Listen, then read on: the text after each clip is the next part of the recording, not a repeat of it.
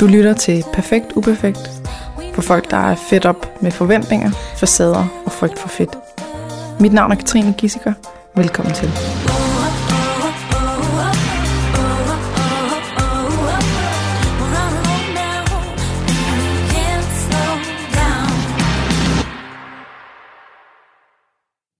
Den her episode den er sponsoreret af BookBeat Lydbogstjeneste.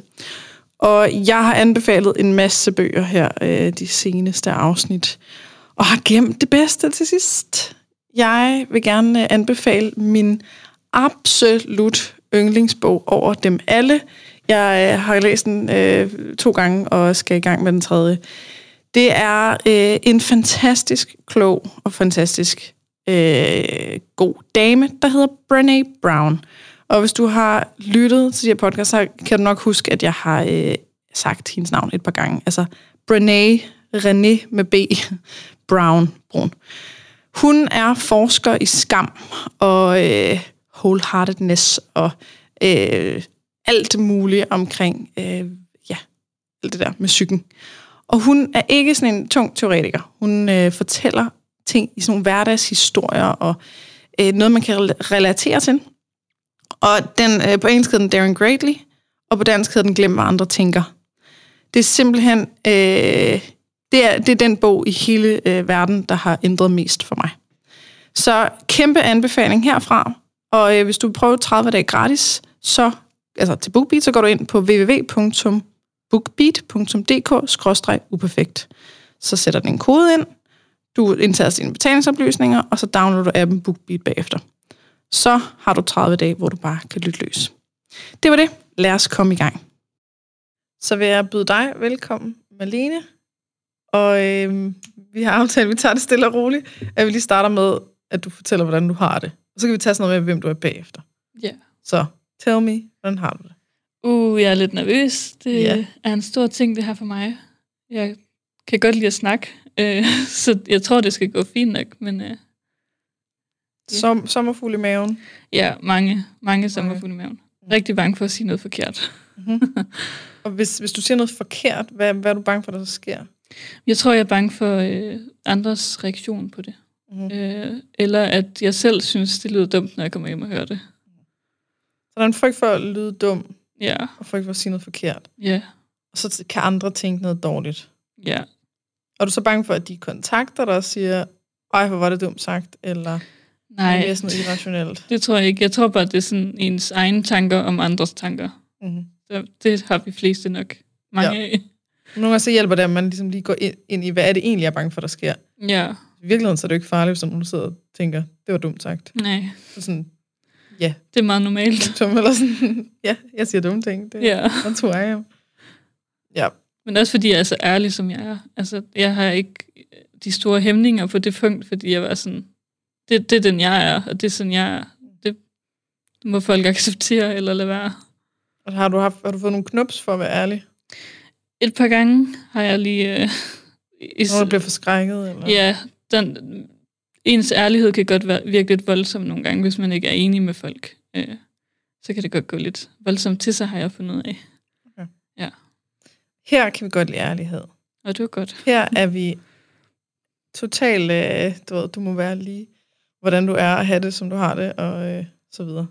Så øh, jo mere ærlig du kan være, og jo mere i detaljer du vil gå, og jo mere sådan, øh, man må også gerne græde, og man må også gerne ryste, og man må også gerne øh, bæve stemme, og man må det hele. Det, det er bare, øh, det er hele konceptet. Det er the realness. Perfekt. Så øh, der er i hvert fald ikke noget pres herfra. Godt. kan du fortælle bare lidt sådan, nu ved vi, du hedder Malene, kan vi få en lille smule mere sådan øh, info? Ja, jeg, er du, jeg hedder Malene, jeg er 22 år. Øh, jeg bor i Aalborg med min kæreste. Vi har været sammen i tre år. Øh, og så kan jeg bare rigtig godt lide personlig udvikling og, og hjælpe andre mennesker. Som jeg også, jeg er uddannet pædagogisk assistent, så jeg har også uddannet mig inden for faget med at arbejde med andre mennesker. Jeg kunne rigtig godt tænke mig til sidst at hjælpe folk, der har det har haft det ligesom mig, eller har det ligesom mig. Så du har et stort omsorgsgen? Ja. Jeg vil rigtig gerne, gerne passe hjælpe. på alle mennesker. Hvis jeg kunne, så, så tog jeg alle til mig og passede på dem. havde dem i lommen og gav Ja. dem et kram. Ja. Tog dem lige frem, Uh, når det de havde brug være for et dejligt. kram, og ja, nogle ja. søde ord på vejen. Ja. Og når man øh, har et stort omsorgsgen, så betyder det jo nogle gange, at det er noget, man ikke selv har fået så meget af. Ja, yeah. Man selv har været i mangel. altså jeg, jeg snakkede med en på et tidspunkt, der faktisk sagde det ret klogt. Hun sagde, det man giver andre, det er det, man selv har brug for. Og det var bare så rigtigt. Det ramte lige ind i mig. Altså det, jeg synes bare, ja. Det, alt det, jeg går og giver til alle andre, det er egentlig i sidste ende det, jeg har brug for. Enten at få af andre, eller give mig selv. Altså selv give mig den omsorg, som jeg har manglet i mit liv. Mm. Ja. Så omsorg, det kan man ligesom sige, det, vi bevæger os i hvert fald hen mod noget nu, der handler om øh, noget omvendt af omsorg, ikke? Jo. Omsorgssvigt. Ja. Og øh, det er jo det, som jeg øh, har inviteret dig ind i dag, for at du kunne fortælle din historie, Ja, som du faktisk også fortæller om på Instagram. det gør jeg. Mm. Det mælkebøttebarn. Mælkebøttebarn hedder øh, Det er det, Instagram. jeg synes, jeg er. Øh, mælkebøttebarn er jo det her med ligesom at, at være den her mælkebøtte under overfladen, der bare kan gå igennem alle overflader, altså asfalt eller grus eller jord. Det, den kan gå igennem det hele øh, og komme ud. Og det gør, at ikke alle lige er så glade for mælkebøtter, men den har en flot gul farve. Nej. Og du har gul og jeg har gul på. Nej, den det er har, også, fordi den man har ser- en flot gul farve, og til sidst så kommer de her frø, og du kan ønske, altså, mælkebøttebarn. Det, det er Har bare et hele rigtigt vejen ord. der. Ja. Altså, jeg, jeg tænker også på det som, at de vokser op igennem asfalt, Mm, og man har ingen, altså man fatter ikke, fordi asfalt det er så hårdt, ja. og det er så øh, hærdet og så videre. Og så lige så kan der gro sådan en mælkebøtte op, der Ja. bare har revnet hele den der overflade, man bare tænker, det er humlebi-syndrom, ikke? Den kan ikke flyve fysisk, men den gør det alligevel. Ja, Jamen, du Kommer kan ikke, ud der på er jo den en anden plante, side, den er mega blød. Den kan sgu da ikke komme op igennem sådan noget hårdt asfalt. ja. Det Det jeg aner ikke, hvordan, men det, det gør den. Ja, Ja, så mælkebøttebarn. Men det Ja. ja. kræver, at der har været noget asfalt. At der er noget, øh, det gør det. noget mangel på det, man skal bruge som Ja. ja. barn. Så Ja. hvad sådan, hvor skal vi starte henne, synes du? Jamen, på en eller anden måde kan vi vel bare starte fra bunden af. Starter altså, fra jeg, var, altså, jeg blev jo egentlig født ind i en kernefamilie. Min mor og far var stadigvæk sammen, og jeg havde min storebror, der var fem år ældre, og det hele så rigtig godt ud, da jeg kom til verden. Min far havde et alkoholmisbrug. Det var det eneste, der måske lige var knap så godt. Øh, var, var voldelig over for min mor og sådan noget. Øh, det var nok heller ikke så godt. Så en kernefamilie var det jo ikke i sidste ende. Og de ender med at gå fra hinanden, og min mor finder en ny mand og flytter til Brønderslev. Øh, vi bor i Holstebro på det tidspunkt. Øh, så min fars familie bliver ved med at bo i Thy, øh, og jeg kommer ved dem gang imellem. Og en af de gange, jeg så kommer ved mine bedsteforældre, der, øh, der har jeg, er jeg blevet lagt til at sove ovenpå, øh, hvor vi alle sammen sover øh, i hver vores rum. Og jeg skal så sove sammen med min far, øh, som jeg har gjort et par gange før. Jeg formoder jeg.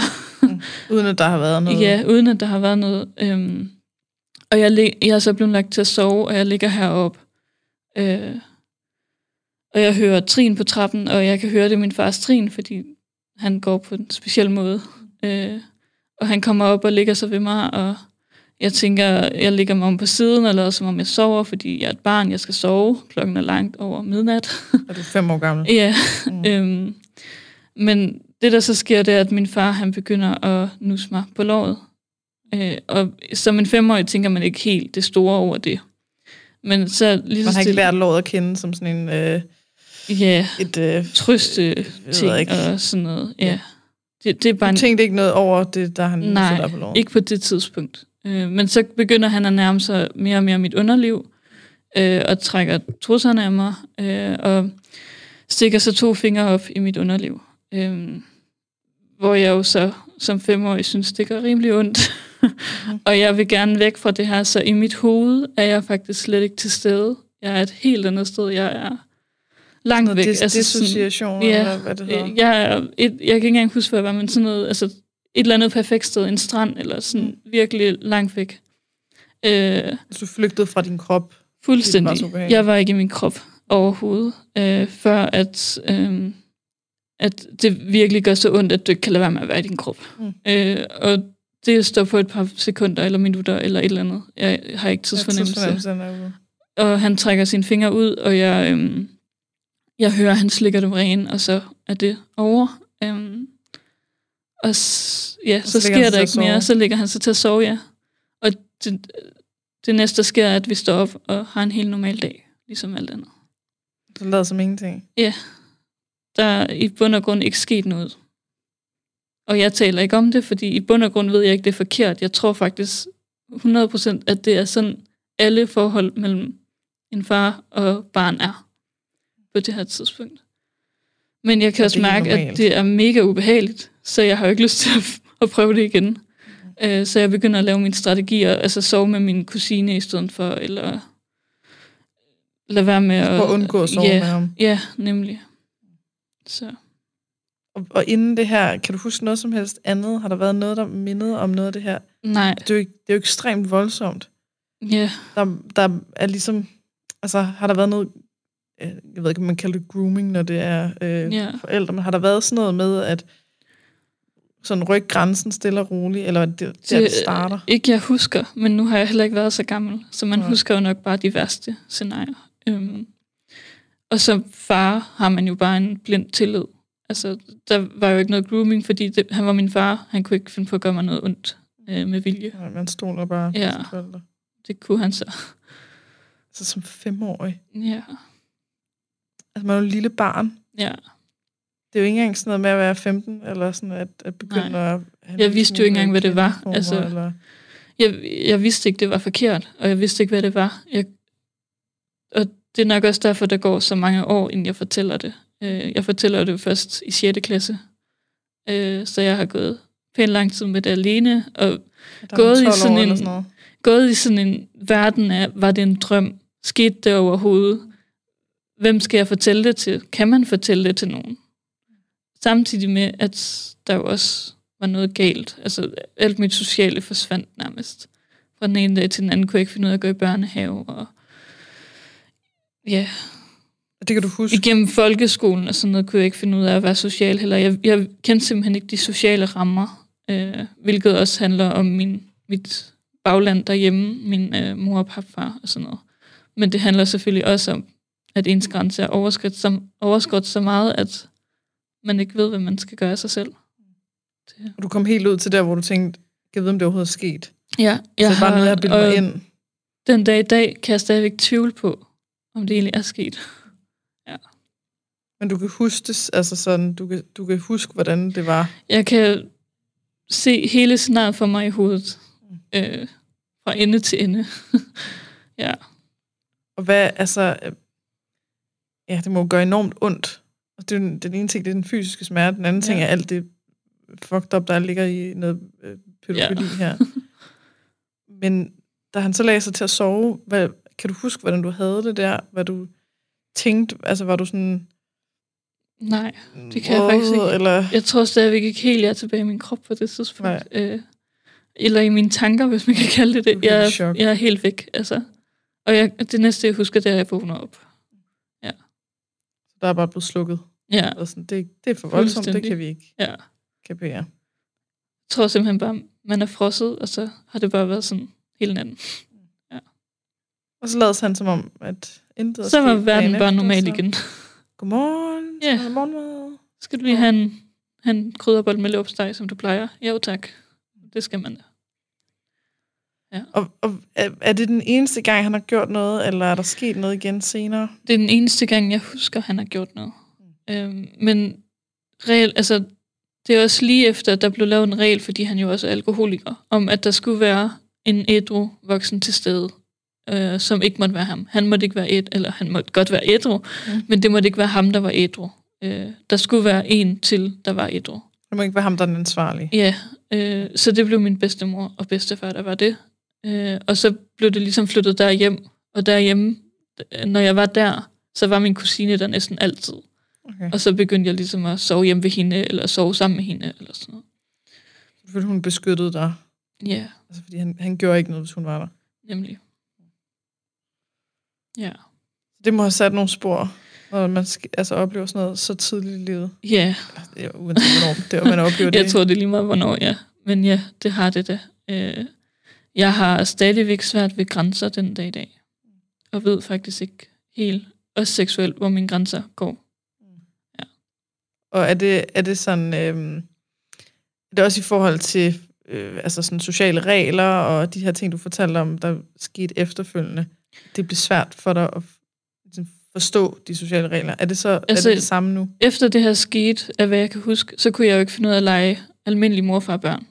Vi legede bolleleg. Altså helt bogstaveligt talt. Vi, jeg var mig og så en anden pige, og vi legede bolleleg. Fordi det var det, vi kendte. Og jeg, jeg, kan ikke, jeg kan ikke sige, om hun har været udsat for det samme. Men jeg ved i hvert fald, at det var hende, der foreslog det. Og den var jeg med på. Mm. Ja. Men, det er, men der er vel også, altså, gør alle børn ikke det på en eller anden måde? Jo, men... Det kan jeg huske fra, min, fra altså, første klasse eller sådan noget. Jo, alle børn udforsker deres krop, og det ved jeg også godt i forhold til... Puderummet og, ja, og sådan noget. nemlig. Men det her, det var... Altså, det, det var en bolleleg, jeg aldrig har set før. Mm. Eller siden. Og vi vidste også godt, at det var forbudt, så vi gjorde det også de steder, hvor de voksne ikke var. Okay. Ja. I vidste, det var forbudt? Vi vidste godt, at, og vi vidste også godt, når døren gik op, så skulle vi fjerne os fra hinanden. Okay. Ja.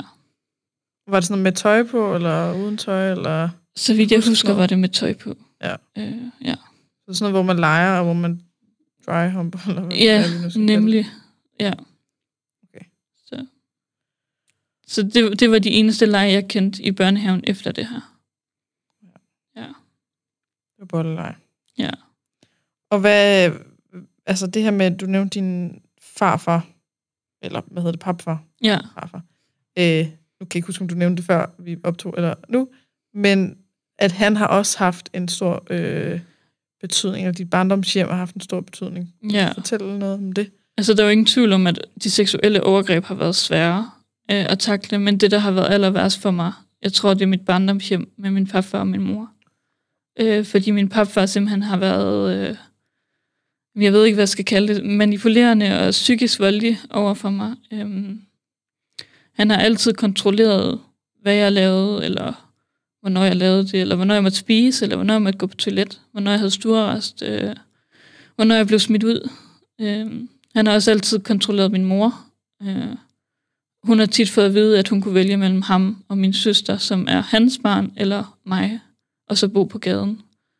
Øh, og jeg har tit fået at vide, at jeg var egoistisk, fordi jeg ikke måske lige lavede kaffe på det tidspunkt, han ville have kaffe, eller ikke lige passede min søster på det tidspunkt, han ville have, jeg passede min søster. Øhm, og når jeg siger passede min søster, så passer jeg min søster hver dag. Øh, det var jo, jeg var hendes mor i en periode. Min mor havde aftenvagt og var ikke hjemme, når hun havde fri fra vuggestue.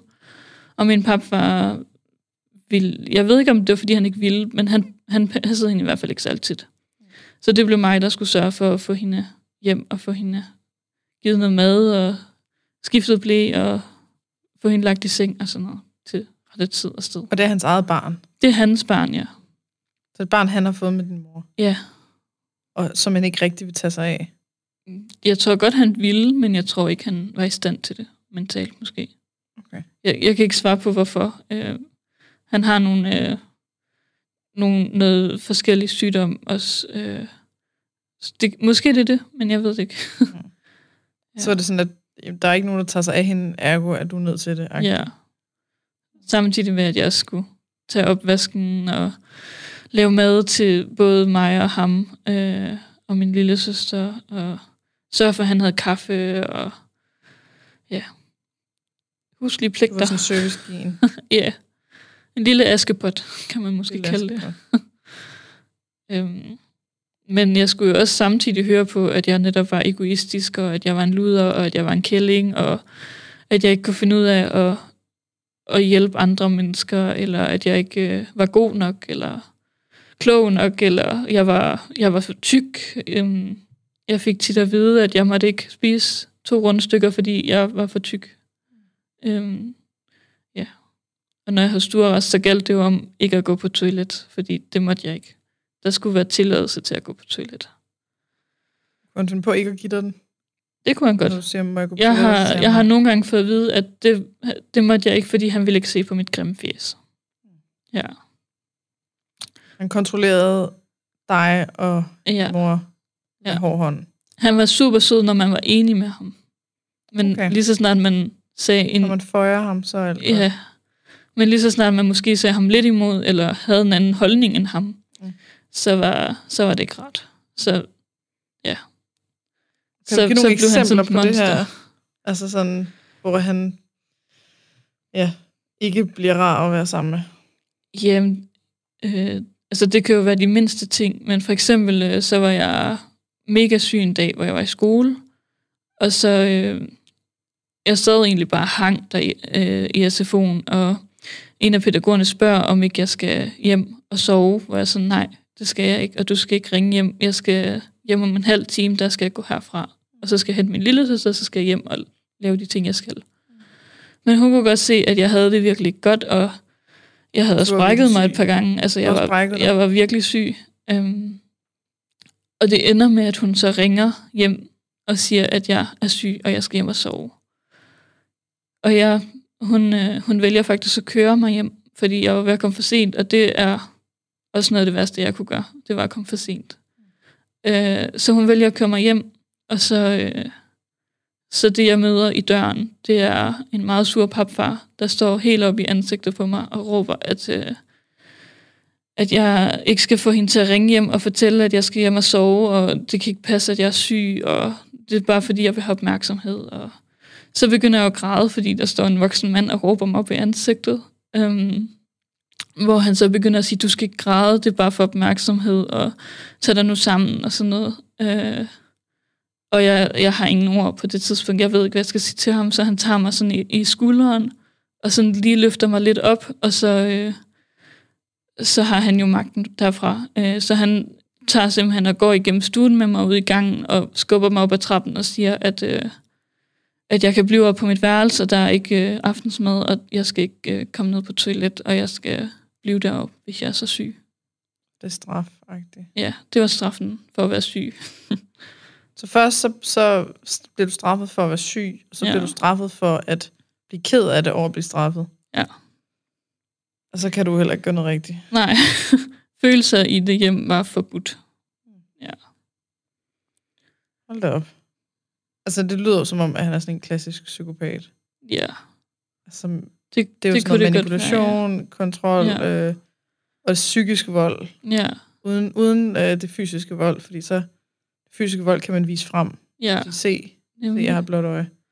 Der var også... Øh, øh, for at få noget mad, så spiste jeg simpelthen af min, øh, min lille søsters modermælk erstatningspulver øh, rent, okay. fordi jeg skulle have et eller andet. Var så og det opdager han så en dag, og så tager han det her pulver, og sådan, altså det var i sådan en lille ske, så det var ikke meget, men han kaster det sådan efter mig. Og så siger han, at jeg ikke skal stå og spise sådan noget, øh, og at jeg ikke, øh, at, at det har jeg ikke fået lov til. Og sådan, din kælling eller sådan noget, for han sagt. Øh, og så når han er færdig med at råbe, så siger han, du kan lige rydde det her op, og så går du op på værelset. Så du skal også rydde op efter? Ja. efter hans Efter rod. hans øh, ja. gående mok. Hold da kæft. Hvor mange år har du været i det der? Indtil jeg kom på efterskole. der var ikke nogen... Øh, vi havde kommunen indover, og de kom i vores hjem, og det hjem, det var heller ikke særlig hygiejnisk. Der var rod over det hele. Øhm, så jeg forstår egentlig ikke, hvorfor de her sagsbehandlere ikke har sagt, hvad måske du lige skal hjemmefra, eller det her, det er ikke helt godt. Og hvordan var det noget, som kommunen fik nys om? Jamen, øh, vi har, så jeg har fået agtindsigt, og så langt jeg kan gå tilbage, det er simpelthen fra 0 år, så har vi haft kommunen indover. Øh, og jeg tror, det handler om min far på det tidspunkt, fordi min mor er faktisk rigtig god til at bede om hjælp, og hun bedte om hjælp på det tidspunkt. Øhm, på grund af min far øh, og hans alkoholmisbrug og stalking og sådan noget. Øh, og i forhold til forældremyndighed og sådan noget. Øhm, og min storebror er meget mere skadet, fordi han er de her fem år ældre, end jeg er. Så er han øh, sådan skadet i forhold til psyk eller fysisk vold fra min far af. Det, har, det er jeg heldigvis sluppet for. Øhm, men, øh, men vi har altid haft kommunen over. Altid. Så der har, på grund af det fysiske vold, så er der nogen, der ja. altså, lægger mærke til det, eller tager det alvorligt, eller tror på det, eller... Ja. Der ligger fordi også, mor har bedt om hjælp. Der ligger også et, et jeg tror, der ligger tre underretninger fra, fra min folkeskole af også. Okay. Som ikke er blevet gjort så meget ved.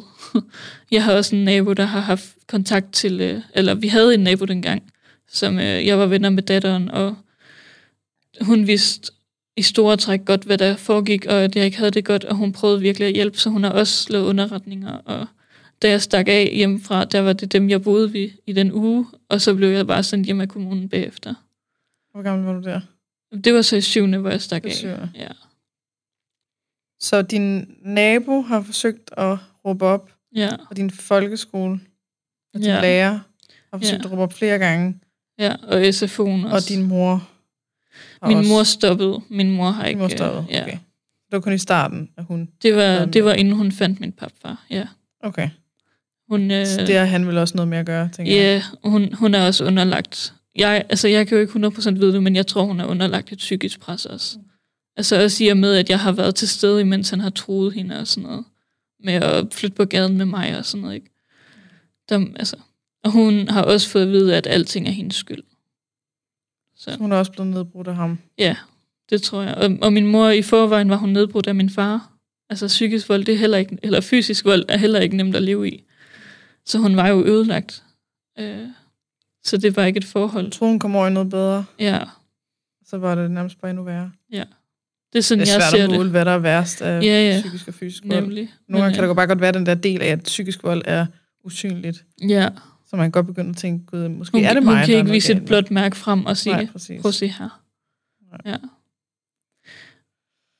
Så der har været indberetninger det har fra alle mulige steder, sådan nogle, der rent faktisk er, er ægte. Ja. Altså de indberetninger, jeg hører om i dag, det er jo sådan noget med, at der er nogen, der har fået lev på deres brød. Ja, nej, eller det er ikke sådan nogen. Barn, Især den her rundt med, sokker eller sådan noget. Med, da jeg var syg, altså den, den er blevet indberettet. De ved ikke, hvad der foregik derhjemme, men det blev indberettet, at jeg ikke ville hjem, trods jeg okay. var syg. Øh, og at jeg kom dagen efter og sagde til min pædagog, du må simpelthen ikke sige det videre til nogen. Hvor hun så siger til mig, at hun, altså, jeg bliver nødt til at sige det til min leder, mm. øh, hvor jeg så siger, så må han ikke sige det til nogen. Det står der decideret i indberetningen. At, øh, du var pisse bange? Ja, jeg, jeg var redselslagende. Og at hun kunne se frygten i mine øjne. Ja. Men der blev ikke gjort noget? De, øh, de laver noget familieterapi, mens min øh, storebror bor hjemme, fordi han har det øh, meget svært socialt, end jeg har det, og skoleligt, eller hvad skal man kalde det, fagligt, øh, og bor på noget opholdshjem, og min mor og papfar rækker selv ud og siger, at vi vil gerne have nogle redskaber til at, at hjælpe ham. Så vi kommer alle sammen i familieterapi. Og, alle? Hvem er det? Er jamen, det er mor? mig og min mor og min papfar og min storebror. Okay. Vi er alle sammen i familieterapi. Øhm, på samme tid. Altså sådan en gruppe nærmest, ja. Øh, og der får jeg en af dem sådan for mig selv en gang imellem. Øhm, det er egentlig det, der bliver lavet i mange år så er der rigtig meget fokus på min storebror, at han skal afsted på opholdssted og have hjælp og sådan noget. Så bliver jeg lidt skubbet væk. Ud til siden. Fordi han var vist værre tegn? Eller? Ja. Du fungerer fint nok i skolen, så det, det kan godt være, at du har nogle små, små problemer, men ja. ja. Men der har også altid været fokus på fra min, min mor pappas side, at det er min far, der har været problemet.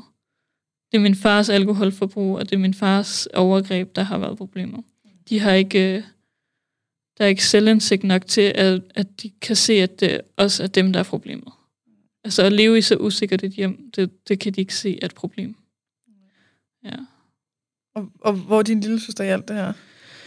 Jamen, min lille søster, jeg vil sige, hun er lidt skånet, fordi hun jo ikke har min far og min fars familie, som også har været konfliktsramt. Øh, øhm, men Altså, hun har det heller ikke godt. Jeg har siddet med hende grædende i garagen, hvor hun sagde, at, at verden var ond, og at hun gerne ville dø. Og hvor gammel var hun? Hvor gammel var... Der var hun 10 år. Der var hun 10? Ja. Det, jeg fik at vide af min papfar, det var, det er normalt, det siger alle børn, når de har fået skæld ud. Det, det, så det er et par år siden? Ja. Eller hvad? Ja. For nylig? Ja. Øh, hun bor stadig? Hun bor stadigvæk hjemme, Øh, de vil ikke samarbejde. De vil ikke øh, samarbejde med sagsbehandlerne, og min lille søster nægter at snakke med dem. Øhm, og med, med, jeg kan egentlig godt forstå det. Med sagsbehandlerne? Eller ja, med... med sagsbehandlerne. Øh, og jeg kan godt forstå hende, fordi jeg turde jo heller ikke snakke med dem. Ja. Jeg turde heller ikke sige, hvordan det egentlig foregik derhjemme, da jeg var lille. Fordi hvad sker der så? Al den uvidshed i, kommer jeg væk? Bliver jeg hjemme? Hvad hvis jeg fortæller det, og stadigvæk er hjemme? Hvad sker der så? Altså bliver det bare værre jo. Ja. Så, så jeg forstår hende. Øhm, men jeg... Hun bor stadig med ham. Ja, hun bor stadigvæk med ham. Men vi skal også huske på, at det, det er hans datter. Der er en forskel. Han behandler ah, hende lidt han pænere. Han hende pænere. Ja, men han har stadigvæk sin... Det er hans sin, kød og øh, blod. Ja, og han har stadigvæk sine dage, hvor han farer op og skælder ud over de mindste ting. Altså hun, hun bliver også skældt ud for at græde. Det må man ikke. Og hvis hun sidder i garagen ja. og græder og siger, at hun gerne vil dø. Ja. Altså, så, så, er det, så er han jo ikke helt god ved hende. Nej. Altså, et eller andet helt riv, rav, ruskende galt. Det ja. Hun, der var også, altså, min papfar er, er udfordret fysisk på nogle forskellige sygdomme, og har, har fået fjernet øh, sin ben nu, øh, og er på, altså, var på sygehuset på et tidspunkt på grund af de operationer selvfølgelig. Og min mor havde aftenarbejde på det tidspunkt. Øh, så hun kom først hjem kl. 22 om aftenen. Og i det tidsrum fra, hvor min søster får fri, hvornår får de fri nu om dagen, sådan 14-15 stykker eller sådan noget, ikke? Og så til kl. 22, der sad hun alene hjemme hver dag. Som 10-årig. Som 10-årig. Ja.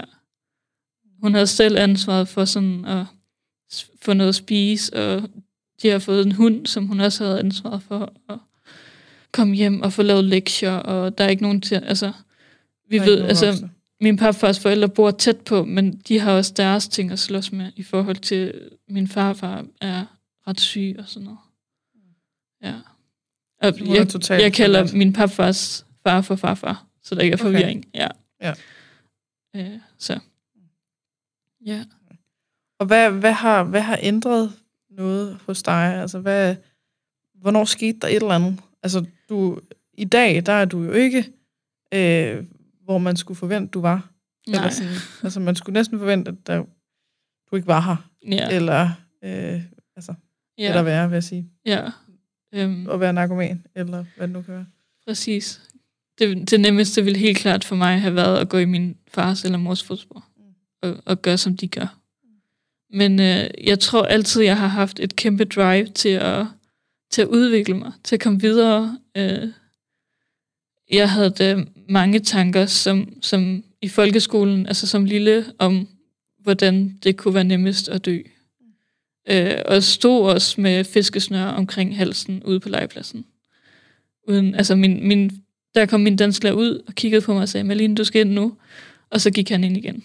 Um, så jeg har været på... Han kunne ikke se, hvad du lavede, eller hvad? Jo, men han, han var ikke helt normal. Øhm, så jeg har været langt ude på kanten. Øhm, men det, der helt klart gjorde en forskel for mig, det var, da kommunen sagde, du skal på efterskole, og det er nu. Øh, så jeg kom på efterskole i 8. klasse, og lige pludselig var der bare plads til mig. Nu bliver jeg helt rørt. Mm. Øhm, men der var plads til mig. Der var voksne, der så mig. Og voksne, der, der passede på mig. Øhm, ja. Yeah. Det er jo virkelig nærmest de første voksne, du møder, der rent faktisk ja. ser dig og hører dig. Og der har været de her få tilfælde i folkeskolen, der har lavet underretninger, eller, men de, de for det meste stoppet igen, efter ikke ret lang tid, så de fik aldrig rigtig færden af, hvad der skete.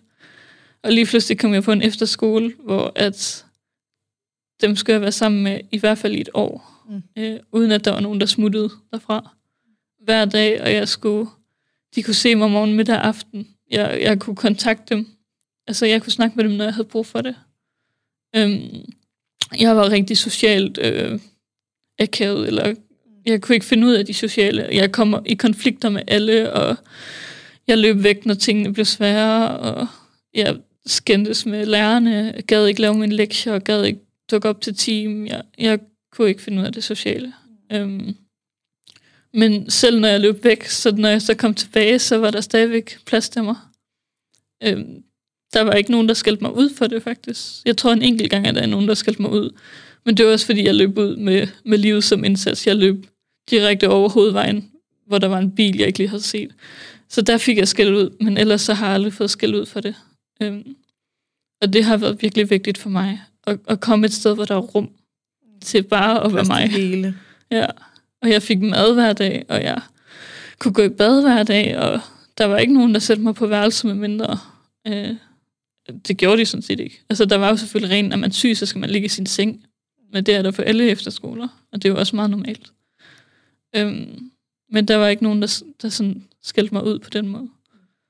Jeg havde en enkelt lærer, som bare generelt var meget opråbende, øh, og hende var jeg bange for. Fordi at, i hvert fald det første stykke tid var jeg bange for hende, fordi at øh, hun mindede så meget om min papfar på mange punkter, når hun råbte højt.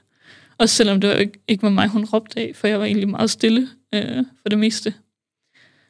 Og det, det er jo en trigger, mm. som man får oh, yes. af barndomstraumer. Mm. Men der fik vi også bare snakket med hende om, at det, det triggede mig, og det var noget, jeg var bange for. Øhm, og hun skulle selvfølgelig ikke ændre på, hvem hun var, men vi fik en snak om, at det måske ikke altid var mig, det handlede om. Og at selvom hun skældte hele klassen ud, var det måske ikke mig, der havde gjort det, eller sådan noget. Så ja. Så der blev bare plads til mig, og rum i verden, til at jeg også kunne være her. Og vidste de, altså vidste de godt, hvorfor du var der? At de, det var sådan en, øh, at kommunen havde sendt dig væk hjemmefra? Ja, det vidste de godt. Og jeg mener også, så vidt jeg husker, stod der også i min papir, at jeg havde været udsat for seksuelle overgreb. Øh, men de vidste ikke, hvad der foregik derhjemme, og hvorfor jeg havde det svært. Øh, og det, der egentlig er også, det er, at i min, øh, mit andet år, der får jeg en kontaktperson på skolen, fordi jeg simpelthen har så svært ved det sociale, og slet ikke ved, hvad, hvordan jeg skal takle det. Og hun skriver også i en af de rapporter, hun skal skrive om mig, at, at når jeg har været øh, når jeg har været på skolen, eller hvis jeg har været hjemme ved min jeg fik en aflastningsfamilie i løbet af den tid, jeg var på efterskole. Hvis jeg har været hjemme med dem, så fortæller jeg gladeligt, hvad jeg har lavet, og hvordan det var, og kommer godt ud af det med, med de fleste på skolen og sådan noget. Men hvis jeg har været derhjemme, så kan hun godt mærke, at der er en masse, der bare trykker, og jeg kommer i flere konflikter end normalt, og jeg kan ikke finde ud af det sociale, og altså, de, de kunne mærke tydelig forskel på, om jeg har været et godt sted, eller om jeg havde været derhjemme. Øh, jeg havde glemt lige, hvad jeg ville sige. ja. Så du var der i to år? Jeg var der i tre år, faktisk. Tre år? Øh, en af de få, der fik lov til at være der i tre år, ja. Og det har jo nærmest været terapi? Øh, fuldstændig. Altså, det var min teenageår. Og det var første gang, jeg fik lov til at være øh, i verden. Generelt bare, altså. Ja. Så de, de, har, de har vidst, at der, du kom med noget bagage. Ja og de har kunne finde ud af at håndtere det. Ja. Ved at sige, jamen, så, så spiller du bold op af dem. Ja. Og, og det er jeg, helt okay. Ja, jeg så fik... kommer tilbage, og så er der ikke, der er ikke en masse skæld ud. Og Præcis. Sådan noget. Jeg fik også, altså selvfølgelig fik vi jo skæld ud over, for det vi, altså jeg var jo heller ikke perfekt. Mm. Øhm, men vi, altså vi fik også, øh, eller jeg, hvad skal jeg, hvordan skal jeg forklare det? Jeg havde også nogen, der ligesom, øh, jeg havde specielt en lærer, øh, der var der mit første år, som øh, hun snakkede ikke sådan altid om, om de ting, der var svære med mig, men jeg var bare mega tryg ved hende. Øh, og hun var der for mig, og hun har faktisk holdt fast i mig siden, og jeg har kontakt med hende den dag i dag. Er det rigtigt? Ja. Øh, jeg fik lov til at holde jul ved hende, fordi at jeg ikke kunne rumme at være derhjemme. Okay. Altså, det, det har været helt sindssygt vildt at opleve et menneske tage en så tæt på sig. Mm. Nogen, som ikke er tvunget til det, altså sådan, som ikke er fordi, de er en, blevet pålagt det, eller en forælder, eller sådan. Ja. Nogen, der står helt på siden, og egentlig ikke bør, eller sådan, at ja. det, ikke er, det er ikke deres job. Ja. Men så tager de det alligevel. Altså, da hun, hun var på kontrakt mit første år, så hun, øh, hun fik ikke forlænget sin kontrakt, så hun kom ikke til at være der de to sidste år. Og jeg tænkte, ja, ja, du siger nok, du kommer og besøger mig, men altså, det har ingen af de andre gjort. Men hun kom rent faktisk, og hun skrev håndskrevet breve til mig, og havde mig på besøg, og kom og... Hun var den første, der fortalte mig, Malene, når du bliver 18, så bliver alt ikke godt. Det er ikke sådan, livet fungerer. Mm. Altså, hun, hun var den støtte, jeg aldrig havde fået derhjemme. Et menneske, der tog sig til mig, uden at være forpligtet til at gøre det. Jeg ja. håber, du sender hende uh, podcasten. det gør jeg. Hun skal virkelig vide, at hun har gjort noget. Det, altså efterskolelærer, altså, de er jo også de er jo nogle helt det er noget helt andet, andet ja, stof, det er noget helt andet. mennesker. Altså, jeg har, også, jeg har også kontakt med den kontaktperson, jeg havde dengang. Og når jeg siger kontakt, så er det jo ikke, fordi jeg skriver med dem hver dag, eller sådan noget. Altså, der kan godt gå længe, inden jeg skriver med dem, eller har kontakt med dem. Men jeg ved også, at sker der noget i mit liv, så er de der 100 procent. Ja. Og det har jeg ikke mange i mit liv, der er. Så det er vigtigt. Shit, mand. Så, så det var ret godt, du kom på efterskole, Ja. kan man sige. Også, øhm, jeg har faktisk også nu- lyst til at, at nævne min... Øh, vi fik en pædagog mit tredje år. En mandlig pædagog. Mm. Og mænd og seksuelle overgreb, det kan vi nok godt regne ud. Ikke sådan, det er ikke lige det, man stoler nej. mest på. Men der gik ikke mere end en uge, så havde jeg fuld tillid til ham. Og det var faktisk første gang i mit liv, jeg havde så stor tillid til, Til en mand. til en mand. Øhm, og jeg begyndte egentlig også at bruge ham til bare at være sådan en, jeg gider ikke i dag, eller hvor er det svært i dag, eller altså, han kunne gå forbi mig og være sådan, hej, sød Malene, og han har bare altid troet på, at jeg kunne noget, kunne noget specielt. Og jeg har bare altid været sådan, det, det kan jeg ikke. Altså. Men, men han har troet på mig, og det har virkelig været vigtigt for mig også. Altså, han, han var den første, der sagde til mig, Malene, du skal have noget med mennesker at gøre. Og jeg sagde, nej, det skal jeg i hvert fald ikke. og han var sådan, jo, det skal du i hvert fald. Mm. øh, og det er ikke ret lang tid siden, at jeg skrev med ham også, og han inviterede mig på kaffe, når alt det her corona er væk og sådan noget. Øh, så det er også bare virkelig, virkelig, altså, øh, hvad skal, altså jeg, kan ikke, jeg kan ikke kalde ham for den far, jeg ikke har, for det er det jo ikke. Men han er i hvert fald den mandlige øh, relation, som jeg kan se op til. Som jeg kan sige, det, det er sådan, det er de egenskaber, jeg også vil have i et liv af en mand. Eller det, det er sådan noget, jeg også synes er noget godt. Ja. Så endelig, endelig en mand, mandlig rollemodel, Ja, som kan vise, hvordan mænd skal være. præcis. Fordi du 10. ligesom klasse.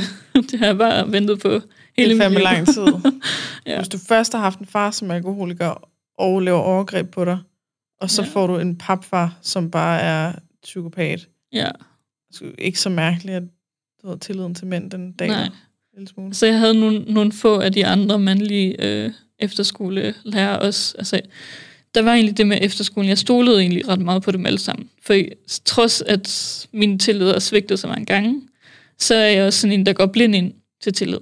Altså, viser du den, og det er så specielt, for viser du den mindste tillid til mig, så har jeg fuld tillid til dig. Det er meget specielt. Det er meget specielt. Det, Øhm, man skulle tro, det var omvendt. Ja, men jeg er også rigtig hurtig til så at sige det modsatte. Altså sige, dig har jeg ikke tillid til. Dig kan jeg ikke Okay. lide. Dig skal du ikke. Du skal ikke komme i nærheden af mig. Men jeg er også hurtig til det andet, og det sker sjældent. Øhm, så i bund og grund har jeg tillid til dem alle sammen. Øh, men han var bare noget helt specielt. Altså helt, helt specielt. Og du var lidt sådan påpasselig med ham i starten. Ja, Men så fik altså, han det er man altid. Det der tror Ja. jeg. Altså, det, det er jeg også med mænd, jeg møder i dag. Mm. Øh, eller mandlig køn, jeg møder i dag. Altså, jeg kan godt have svært ved at arbejde med mænd, fordi jeg er sådan, hvad vil du? Mm. Altså, hvem er du? Ja, er Øh, hvis jeg møder en mandlig kollega, og jeg kan også, altså, og det er så, så træls at sige, men i og med, at jeg har været udsat for seksuelle overgreb, kan jeg også godt være den der, der kigger på min kollega og siger, er du nu god ved børnene? Mm. Øhm, eller jeg siger det ikke til dem, men jeg tænker det, samtidig med, at jeg stopper mig i det og siger, husk nu, Malene, alle er ikke som din far. Jamen, det er også vildt, hvis man har troet, at det var normal adfærd. ja. Eller sådan, så Det det var- da klart, at det hænger ved. Det var bare sådan, det var. Det var sådan, alle mænd var Ja. i mit hoved. det har jeg fundet ud af, at det, det er ikke sådan, alle mænd er. Nej. Heldigvis. Heldigvis. Det er jo, man kan sige, det er det gode ved MeToo. Ja, Det begynder, der begynder at blive åbnet op for, at der, altså, ja, der er mange, man skal passe på. Eller Ja. sådan. Selvfølgelig håber jeg ikke, det bliver sådan en. Eller alle mænd er sådan, men nej. alle dem, der har gået rundt og måske har oplevet noget af det samme som dig, eller på Ja, anden måde er blevet svigtet, eller fået overtrådt grænser. Bare ja. det der med at vide, okay, jeg er ikke alene om det her. ja. Og kæft, hvor er det vigtigt. Der er også øh, den der landsforening Spor. Det, det er også sådan en med... Det er en organisation... Jeg har først lige stået på den selv for et øh, måneds tid siden, eller sådan noget. Men det er en organisation, der ligesom øh, går ind og hjælper øh, voksne ved sine følger af seksuelle overgreb. Okay. Ja. Hvad hedder det? Spor, Spor? ja. Okay. Den, øh, Den kan jeg godt anbefale. Jeg er, jeg er selv medlem af... De har lavet en gruppe for dem, der har været udsat for det. Øh, og den er jeg selv medlem af. Jeg kan ikke lige huske, hvad den præcis hedder. Nej. Men, øh, men der, der skriver folk... Altså, man, hvis man ikke er klar til at høre andres historie, så skal man lade være. Fordi folk kan godt finde på at dele deres historie. Øh, men hvis man er klar til at, at finde andre som en selv, eller mm. møde, møde sine egne tanker skrevet af andre, så, så synes jeg, det er der, man skal gå hen. Det, Spor. Ja. Men vi mangler jo stadig en enkelt ting. Ja. Det var jo ikke øh, sidste gang, du skulle opleve et Nej. forsøg på overgreb i hvert fald. Nej. Og hvem skete det med senere? Det var min bror. Min bror, han er fem år ældre, end jeg er. Øh, og det kan egentlig godt være meget... Øh, jeg er sådan en, der laver undskyldninger mm. for folk, for andre, for at gøre dem til rette. At det var også okay, de gjorde det mod mig, fordi de har det også svært. Mm. Og der kan jeg godt finde på at være... Især med min bror, være sådan, jamen, han havde det jo lige så svært, som jeg havde det. Vi havde jo samme opvækst. Han har også været udsat for seksuel overgreb. Altså, det, det kan være mega svært at bebrejde nogen, der har været igennem det samme. Men han har så modsætning til mig gået i min fars fodspor, og ligesom øh, forsøgt sig på seksuel overgreb ved mig. Øh, en aften, han er hjemme i december, eller en weekend, han er hjemme i december, hvor han skal sove ind på et af mine små værelser, fordi at hans eget værelse er der meget koldt og skimmelsvamp i. Og hvornår er vi i tidsperiode? Hvor gammel var du her? Øh, jamen, der går jeg i 6. klasse. Ja. Nej, 7. Det, 7. det er klasse inden, faktisk. Inden efterskolen opholdet? Ja. ja. 7. klasse. Øh, ja, og der, øh, der ligger han så inde på det andet værelse, jeg ligger på mit værelse. Øh, og han, øh, jeg bliver vækket af, at han kommer ind og siger, at han ikke kan sove. Og jeg siger, okay, men øh, hvad skal jeg gøre ved det? Agtig. Og han siger, at han fryser, og han vil gerne, øh, han spørger, om han må ligge sig op til mig. Og jeg siger, ja, fordi jeg tænker, at han er min bror. Så hvad skulle der kunne ske ved det? Vi har da lagt øh, i samme seng mange gange, uden der er sket noget. Øh, så han får selvfølgelig lov til at komme op til mig, og jeg finder min sovepose, så jeg kan ligge med den, og han får min dyne, så vi kan ligge under samme dyne. Øhm, og han begynder at nusse mig på benet, øh, og spørge, om ikke jeg er nysgerrig. Og jeg tænker, nysgerrig? På hvad?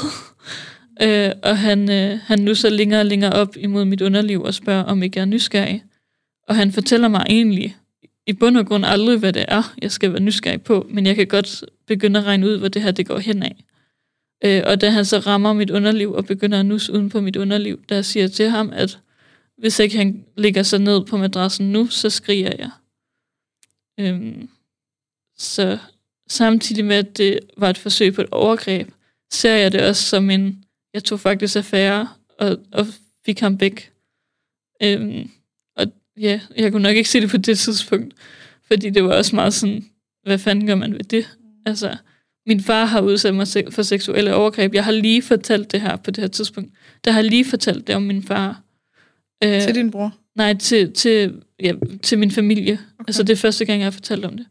Men din bror vidste godt? Ja, ja, Eller, han vidste godt.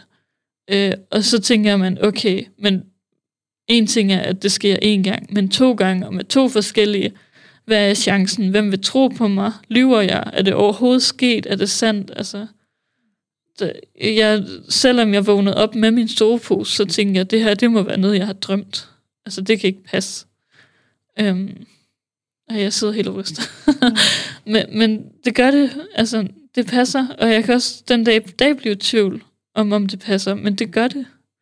Øhm, og jeg fortæller så min veninde om det allerførst, og siger, hvad skal jeg gøre? Altså, til min bror, jeg vil jo heller ikke gøre ham ondt. Øh, og hun siger så, du skal fortælle det til nogen. Og jeg fortæller det så til min mor og papfar, og min mor tror ikke helt på det. Eller hun siger i hvert fald til mig, at, at hun kan ikke vælge imellem sine børn. Hun kan ikke vælge, om jeg taler sandt, eller om min bror taler sandt, fordi det er mit ord mod hans ord. Og din bror, han sagde, han havde... Han ja, han, han nægtede det. Mm. Øhm, men på det her tidspunkt bor han så på opholdssted, så så løsningen bliver bare, at så kommer han ikke hjem i et stykke tid, og så kommer jeg på efterskole. Ja. Så han har også forsøgt sig, og ja. Jamen, han, ja, hvis han har vokset op under øh, en masse lort, og er kommet på opholdssted, og er 19 år, og jeg ved ikke helt kan finde ud af, hvad, hvad er egentlig passende? Og, altså, ja. er, det, er det okay at høre sin søster ad, om skal vi lige prøve lidt her? Eller, ja. Altså, man er også skrub forvirret i den alder. Men det Ja. ændrer jo ikke på, at det er, det er en retraumatisering hos dig, ikke? Ja, Altså, det er endnu en, endnu en der, gang. der Ja. går ind over grænsen. ja. Men du fik sagt fra.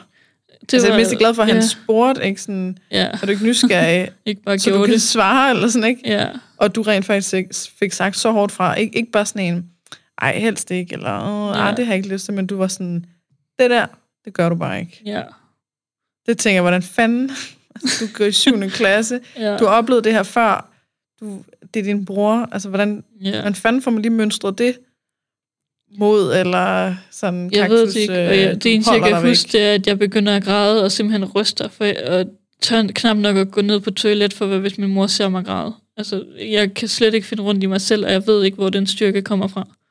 Men den dag i dag ved jeg også bare, at jeg har den power inde i mig. Både til at udvikle mig, men også til at sige fra, når jeg ikke har lyst til. At, altså, hvis der er noget, jeg ikke har lyst til, eller hvis jeg synes, der er noget, der er uretfærdigt, eller, så, så har jeg poweren til at sige fra. Også selvom jeg kan godt være sådan en lille mus også den dag i dag, og ikke helt ved, hvor mine grænser går, og jeg er meget ærlig, men hvis andre er ærlige, eller du ved, hvad skal man gøre? Øh, hvad vil jeg have folk joker med i forhold til seksuelle overgreb, eller altså, hvor går min grænse? Øh, den kan være rigtig svær at finde i alle sammenhæng. Men jeg ved også, at, at bliver den overtrådt sådan meget, så har jeg styrken til at sige fra. Forhåbentlig er han da blevet forskrækket. Ja, Jeg tænkte, okay, det skal jeg måske ikke lige. han forsøgte sig i hvert fald ikke igen. på det igen. Nej. Men, øh, men Han har fattet den der. vi ser jo hinanden til, øh, til familiearrangementer på min Mm. fars side. Øhm, og der, øh, ja, der, der kan vi godt komme ud i nogle situationer, fordi jeg, jeg tænker ikke, han tænker over det mere, faktisk. Fordi han har både lagt op til kram og alt muligt. Jeg har krammet ham en enkelt gang, fordi jeg tænker, jeg vil ikke stå her midt i min fars familie og Ja. lave en, en eller anden konflikt. Øh, og det er jo, så det bliver en grænse jo overskridt, overskridt en gang til. Mm. Øh, men jeg kommer også hjem derfra og tænker, det skal bare ikke ske igen. Altså, man kan godt blive fanget i nogle situationer, men så bagefter ligesom bestemme sig for, at det, sådan skal det ikke være. Det fandt man ud af, at det sådan skal det ikke. Ja, Det gider man ikke mere. Og så går jeg ud fra, at du øh, har det på samme måde, som jeg har haft med min onkel. Øh, som i hvert fald har fortalt mig upassende ting, der var barn. At når, jeg skal, når han gerne vil give mig et kram, når vi mødes til en begravelse eller sådan noget, så, så får jeg åndenød. Jeg holder vejret. Jeg, øh, jeg gør alt for at undgå det der kram. Ja, Og hvis det så, så er hele mit system, det går helt i øh, spas. ja. Jeg er lige ved at kaste op, og jeg kan slet ikke... Øh, altså, når han så først er af mig igen, så skal jeg bruge sådan en helt, øh, helt masse energi på at rense mig selv fra ham, eller sådan, at han skal øh, væk, Ja. ud, af, væk af min krop, fra min krop, eller sådan noget. Har du det også sådan? Ja, på, altså på nogle punkter har jeg. Øh, men jeg har grundet mit barndomshjem også altid været god til at se sidesætte mig selv. Øh, og kan knap nok mærke mig selv til tider. Øh, jeg kan ikke mærke, hvad, øh, hvad jeg har brug for i en given situation altid. Øh, og alting bliver tit bare sådan noget, "Men det er fint nok, eller det er godt nok, eller det var helt i orden, du gjorde det. Selvom det bare på ingen måde var i orden. Øhm, fordi jeg simpelthen bare har så svært ved at mærke mig selv. Jeg er blevet bedre, men det er en proces i sig selv. Ja, en ting er, altså, en ting er det med at, at holde sine grænser, Ja, men hvis man så ikke ved, hvad de er, Ja. så er det æder med med op ad bakke. Altså. ja. Også fordi, at jeg vil så gerne beskytte dem. Jeg vil så gerne beskytte min familie. Jeg sad til en familiefest for noget tid siden, hvor der var en, der... Altså, min fars familie ved ikke det her. Min fars, hele min fars familie ved ikke, at jeg har været udsat for seksuelle overgreb. Og så sidder jeg til en familiefest, og en af mine bedstefars, øh, tror det var svigerinder eller sådan noget, der siger til mig, at jeg forstår godt, du ikke snakker med din far, når han drikker på den måde. Og jeg sidder og tænker, du skulle bare vide, hvad det Jeg tror, egentlig det er handler derfor. om, det her. Øh, Så i, i bund og grund går jeg jo på en eller anden måde stadigvæk med en hemmelighed, fordi jeg ikke vil lave en konflikt. Mm. Øh, men nok også i frygten for, hvad hvis de heller ikke tror på mig? Ja. Så, så er det nemmere bare at holde mund. Ej, jeg har hørt meget den der med frygten for, at, altså, hvem vil tro på mig? Ja. Vil man bare bebrejde mig? Ja. Og sige, det er bare noget, du finder på? Du vil bare gerne lave en konflikt her. Men ja. ja det er meget sjældent, man vil det. Det er jo helt... Øh, ja. Der, ja. Der er jeg virkelig... Øh, jeg håber, at vi er ved at komme ud af det, eller sådan, altså, at, at, det, at tiderne bliver bedre ja. til den slags. Det kunne virkelig være godt. Jeg altså, har også mange, der har skrevet til mig, og været sådan, hvad skal jeg gøre ved det her? Er der overhovedet nogen, der tror på, at jeg har været mm. udsat for seksuelle overgreb? Ja, så jeg det, tror på dig. Det er virkelig langt ude. Altså, der, der er mange, der sidder med den frygt. Rigtig mange. Og der vil jeg bare sige, at så længe man tror på det, altså så længe man selv står ved sig selv, og står ved, at det er rigtigt, så, så er det rigtigt. Altså man, mm. man skal huske, at du kender din sandhed. Altså, nu... Så har din overgrebsmand en anden, eller kvinde, en anden sandhed. Ja. Ja, ja, og sikkert skide god til at manipulere og ja. alt muligt. Men jeg, jeg har jo også... Øh, jeg ved ikke, om du har fulgt med i alt det her, der var med Per Brandgaard. Nej, jeg prøver at holde sådan noget lidt på afstand. Ja. Nå, men han, er en, han er en person, som jeg... Øh, jeg har fået en masse historier fra hans ja. ofre. Øh, det, du ved, det er ord mod ord. Ja. Men jeg er jo så fuldt overbevist om, at han har gjort nogle ting. Jeg har fået nogle vilde detaljer, ikke? Ja. Og så, øhm, så blev han kendt skyldig for voldtægt i byretten, tror jeg det var. Og så har han så anket, og så blev han blevet frikendt i landsretten. Ja. Øh, og alt det, det er jeg jo selvfølgelig... Øh, er, jeg er ikke hans største fan, lad os sige det sådan. Ja. Ikke? Men det værste, synes jeg faktisk, var, at Jørgen Ørting var ude bagefter og sige, øh, at, at, han, det, at han har ikke gjort det.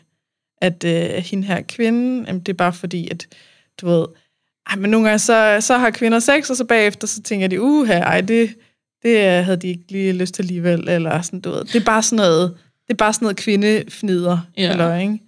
Og hun har været inde i min podcast, og virkelig været i tvivl om, jeg skulle slette det afsnit, ikke? fordi at jeg, jeg blev så vred. Yeah. Altså, når, når landets førende seksolog går ind og giver overgrebsmanden, yeah. øh, beskytter ham, yeah. og siger, at offeret lyver. Eller at offeret bare har været forvirret, eller et eller andet, ikke? Og så bliver jeg sådan helt, du skal bare... Du skal bare slet, stille. Slet ikke ja. noget som helst mere, der har noget okay. med sex at gøre, hvis du ikke engang stoler på offrene af seksuelle overgreb. Ja.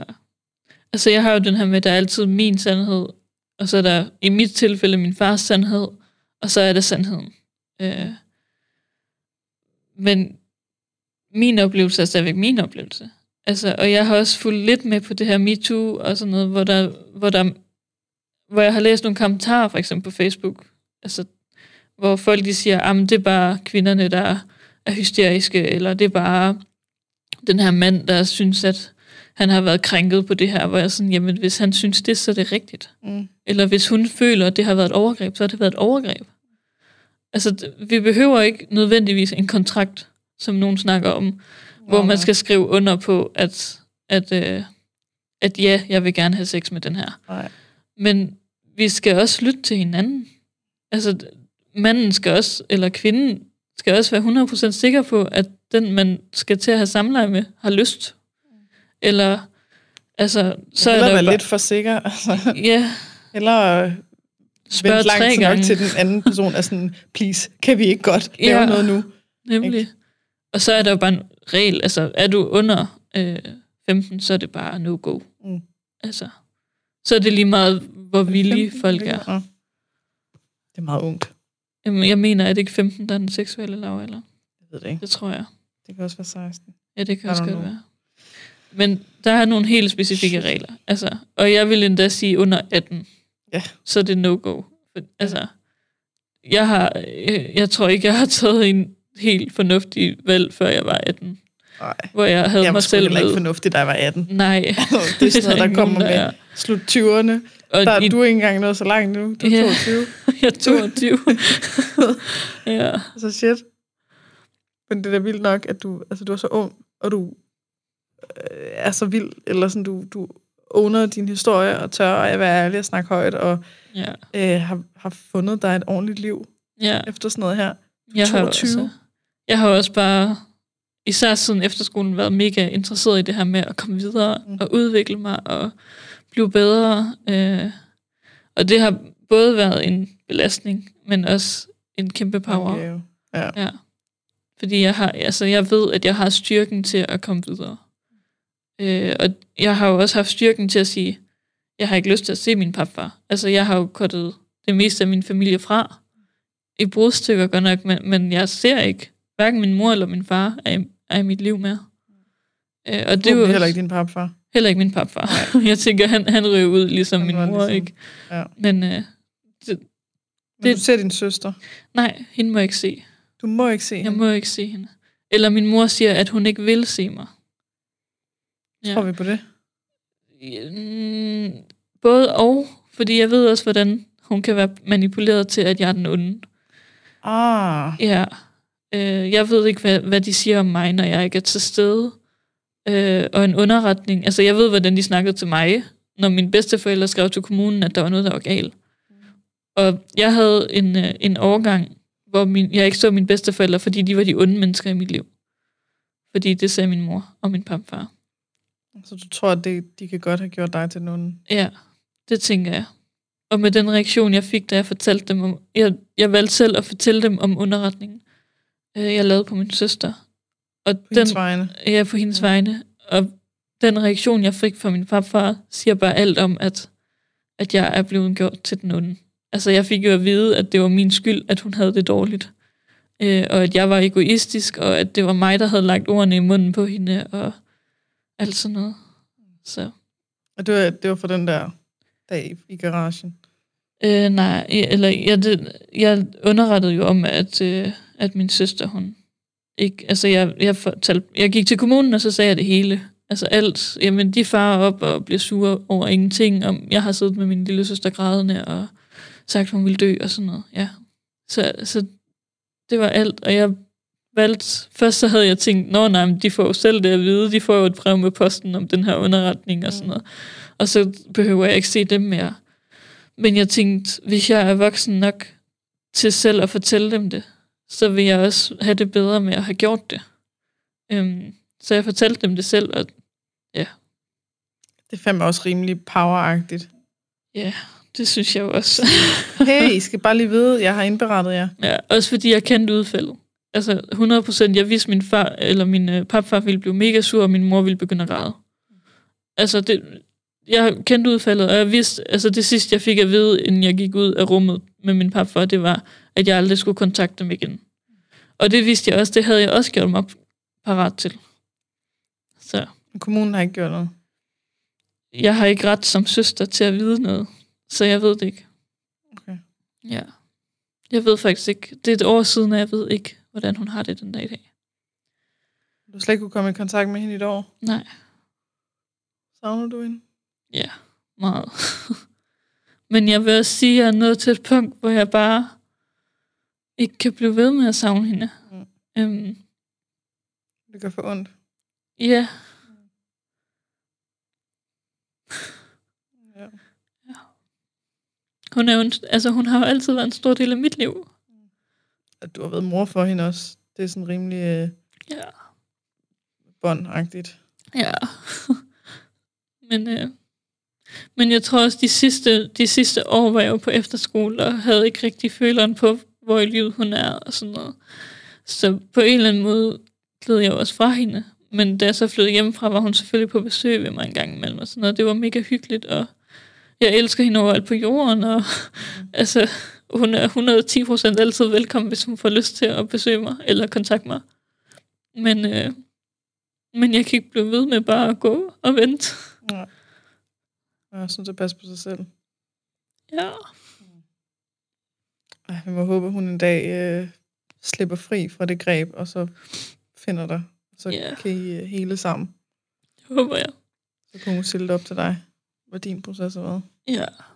Ligesom jeg, ligesom jeg har indset, at mine bedsteforældre har gjort det bedste, de kunne for mig ved at fortælle kommunen om det, så håber jeg, at hun kan se det en dag også. Men jeg er også kommet til det punkt, at hvis, hvis hun ikke kan det, hvis ikke hun har det samme gen, som jeg har, men ligesom at udvikle sig og, og se bort fra øh, ja, de ting, man har fået at vide er rigtigt, øh, så, så er det sådan, det er. Ja. Altså, så håber jeg bare det bedste for hende, og så kan jeg ikke gøre mere. Jeg håber jo, hun finder en anden sti. Ja. Hun bliver glad. Ja. ja. Jeg, jeg vidste i hvert fald bare, at jeg ville ikke kunne leve med mig selv, efter hun havde fortalt, at hun Ej, ville væk fra verden. Noget. Og hvis det så skete, at jeg så... Det, jeg ville ikke kunne leve med ikke at have kunne Nej. gøre noget. Altså, det ville jeg ikke leve med. Nej. Så nu har jeg gjort, hvad jeg kan. Og så håber jeg, offring, ja. du har lavet. Og så håber jeg, at der er nogle andre voksne, der sover derfra. Nu har du ja. gjort dit. Nemlig. Ja, så kan man heller ikke gøre mere. Nej. Er der, øh, er der nogle ting, sådan, øh, som at du har lyst til at fortælle om, hvordan det påvirker dig i dag, alt det her? Altså sådan, når man følger med på Instagram, så kan man se, at du er... Altså, det der med, at du har fundet dig en kæreste, I har været sammen i tre år, ja. du har taget en uddannelse, du har et, øh, du leder lige nu, ikke? Men, ja. øh, men sådan, du har kunne have et job. Alle de her sådan ja. basale funktioner af menneskelig adfærd eller sådan noget, har du ja. mestret på en eller anden måde? Er der, er der nogle ting, hvor at du kan mærke, uh, i forhold til det her, altså sådan noget med forhold til din krop, eller sådan noget med sex med din kæreste, eller sådan, er der nogle, nogle tråde, du kan se, at uh, her, der, der går det næsten altid galt, eller der er ødelagt et eller andet? Ja, altså, især i forhold til min krop. Altså, jeg synes jo, jeg har nedringet på i forhold lige nu. Lige nu. Altså, og det er en krav helt op krav til halsen. Helt op til halsen. Øh, jeg har altid dobbelt lag på, fordi jeg simpelthen er bange... Shorts uden altså, på strømmebukserne ind under kjolen. Ja, fordi jeg er altid bange for at vise min krop frem. Fordi min krop er blevet gjort til noget seksuelt. Og jeg, du ved, jeg, jeg har en idé om, at hvis jeg pakker mig væk, så sker det ikke igen. Så, så kommer der ikke nogen, der kan genere min krop, uden jeg får tilladelse. Øhm, så helt sikkert på den måde, altså, der, ja, jeg, jeg kan heller ikke, altså, sådan noget med at gå i bad, hvis, øh, hvis der ikke er låst dør alle steder, eller øh, hvad skal man kalde det? Jeg har altid tøj på. Altså altid. Jeg, jeg kan ikke se mig selv nøgen heller. Fordi det, det er så skamfuldt. Øhm, ja. Men der øver jeg mig også på at sige, hvorfor skammer jeg mig over noget, andre har gjort ved mig? Altså som de burde skamme sig over. Det burde være dem, der virkelig ikke havde det godt. Det har de nok heller ikke, men ikke derfor. Men hvorfor skammer jeg mig? Hvorfor gemmer jeg min krop væk? Fordi at der er andre, der synes, de skulle bestemme over den. Altså det er jo, det, det kan være svært for mig. Det med kroppen mm. generelt. Øhm, du er ja. ikke så gammel endnu. Nej. Det ville være mærkeligt, hvis det hele var løst. Ja. Eller sådan. Så. Men altså, hvis man ikke skal tænke på kroppen, så har jeg jo aldrig haft det så godt, som jeg har det lige nu. Øh, og det lyder måske sært at sige, at det bedste, der er sket i mit liv, det er, at min familie ikke er i den. Men, men det er det bedste, der er sket mm. i mit liv. Altså, at jeg ikke har kontakt med min far, og at min mor ikke har kontakt med mig, fordi så har jeg ikke kontakt med mit papfar. Altså, jeg har aldrig haft det så godt. Og jeg har været mega bange for, med den her profil også, at, at finde ud af, hvad resten af familien tænkte. Hvad tænker min papfars søskende og deres øh, koner og mænd? Eller hvad tænker, øh, hvad tænker min kusiner og fædre? Eller du ved, lidt længere ude end, end den nærmeste familie. Hvad tænker de? Og der har bare været super god respons også. Altså, jeg havde en kusine, der var sådan, det vidste jeg slet ikke, at det var så slemt. Øh, og hvor er det fedt, du tør stå frem. Øh, no. Og jeg har haft, altså, jeg har været, især, især i forhold til underretning, har jeg tænkt, ah, måske, det, måske de ikke vil have kontakt til mig mere så. Øh, fordi det er da godt nok noget en konflikt, jeg lige laver her. Mm. Øhm, men jeg har haft min, min papfars øh, svigerinde, der skrev, at øh, de ville da gerne komme forbi til kaffe en dag, og no. de ville gerne have kontakt med mig og sådan noget. Så det har bare været mega vildt, altså få den respons på det. Mm. Øh, at de ikke bare har valgt tid, eller sådan? Ja, jeg er lige så gammel som min fætter, og vi er i sådan, han er venner med min kæreste, og vi er i samme vennekreds og sådan noget. Ja. Øh, og han har, ja, det okay. og han har simpelthen også bare sagt, jamen vi, alle vi andre, vi blander os udenom. Vi gider ikke blande os i det. Vi kan godt lide dig, og vi kan godt lide dine forældre, mm. men vi blander os ikke i, hvad der sker imellem jer. Så vi vil selvfølgelig gerne altså, være der for, for jer. Øh, eller for, altså, de vil gerne være der for mig. Øh, på den måde, I nu kan være der. Så ja, det har bare været rart også at finde ud af, at den familie, der lige er det længere ude, også er, øh, selvom man har sagt nej tak til sin mor. Mm. Ja. Altså så er noget andet, der stadig godt kan beholdes. Ja. ja. Har du nogensinde været til psykolog? Eller? Jeg har gået... Øh, jeg gik psyko- til psykolog alle mine tre år på efterskole. Mm. Og så har jeg været til psykoterapeut øh, her øh, for et halvt års tid siden, da jeg gik ned med stress. Ej, det er nok ved at være et år siden. Øh, men jeg har også altid haft mit efterværn, øh, hvor jeg har min kontaktperson. Efterværn, hvad er det? Mm, efterværn, det er fordi, jeg har været i kommunen, øh, kommunens system altid. Øh, og så når man så flytter hjemmefra sådan noget, så kan man få det, der hedder efterværn, hvor man, øh, hvor man stadigvæk kan få hjælp, hvis ikke, altså, som udgangspunkt til du er 23. Okay. Så det stopper lige om lidt. Men det er sådan, det er, og det er okay. Øh, jeg er klar til at komme videre, men jeg har mit efterværn går ud på, at jeg har min kontaktperson. Øh, lige nu, indtil nu har det været to gange om ugen, øh, hvor hun bare kommer og til at starte med var det praktiske ting, som at lære om økonomien, og hvordan øh, får man ryddet sit hjem op, når man ikke har lært det, og alt sådan nogle ting. Men efterhånden er det også blevet det psykiske. Øh, fordi når først det praktiske er på plads, så, så kommer alt det andet. Mm. øh, ja. Så det er det, jeg har lige nu. Det er en kontaktperson, jeg ses med to gange om ugen. Som stopper her i... Vi forventer, det stopper, når jeg bliver 23 i sommer. Okay. Ja. Så hjælp har jeg jo fået nok af, og det tror jeg også bare er vigtigt. Øh, og jeg ved også selv, hvordan det er at tænke, de der voksne, de gider mig sgu ikke noget. Øh, de, de vil mig kun ondt. Mm. Øh, men der vil jeg bare sige, det, det er ikke alle, der vil det. Ja. Altså, hvis du møder... lede efter dem, der vil dig godt. Ja, mød de rigtige mennesker, altså, og lær dig selv at lukke dem ind. Mm. Øh, og tillade dem at komme tæt på. Som, som, når de har fortjent det. Ja, når de har fortjent ja. det. Jeg vil selv kalde mig, et, altså jeg har ikke været i systemet som at være, et opholds, øh, op, være på opholds eller sådan noget. Men jeg har stadigvæk været det, jeg kalder et kommunebarn, fordi jeg har, har været 110% afhængig af kommunerne mm. og dens, altså, dens ressourcer, de voksne, der var ansat der. Øh, og de, altså, de fleste vil der det godt. Og det skal man bare stole på nogle gange. Ja, som, som jeg sagde tidligere, jeg, trods min svigt, så har jeg også haft meget hurtigt blind tillid til folk. Og man skal tillade dem at komme. De kan ikke hjælpe dig, hvis ikke du tillader det. Nej. Så kan de prøve nok så meget. Det er rart at høre, at, øh, at kommunen både har gjort det øh, godt og skidt. Altså, ja. det ikke kun er dårligt. Altså, jeg kan 100% sætte mig ind i dem, der også har dårlige oplevelser med kommunen. Men man skal også huske på, at kommunen er underlagt regler og økonomi og sådan nogle ting. Men jeg tænker også, altså, alle de her år ja. med din papfar, at, det, ja. at der først sker noget i 7. klasse, eller hvad det er. Ja. Altså, det, det er for mange år, det der går, det. hvor du overlader til dig selv, ikke? Ja, det er det. Men de er jo så kommet efter det. Ja, ja, de, de kan også noget. Det Men man skal også selv ville det. Altså, jeg, jeg var ikke kommet så langt, hvis ikke jeg selv ville det. Nej. Det, det, ja. Skal ture. Jeg siger også nogle gange til mig selv, at jeg bare, jamen jeg har jo bare gjort det, der skulle til for at overleve. Ja. Men det har jeg jo egentlig på nogle punkter, men på andre punkter, hvis jeg kun havde gjort det, der skulle til for at overleve, så var jeg heller ikke kommet videre. Mm. Så jeg har jo gjort mere end det, der skulle til for at overleve. Man vil gerne hen til også at leve. Ja, nemlig. Ja. ja. Det må man sige, du gør. Det gør jeg.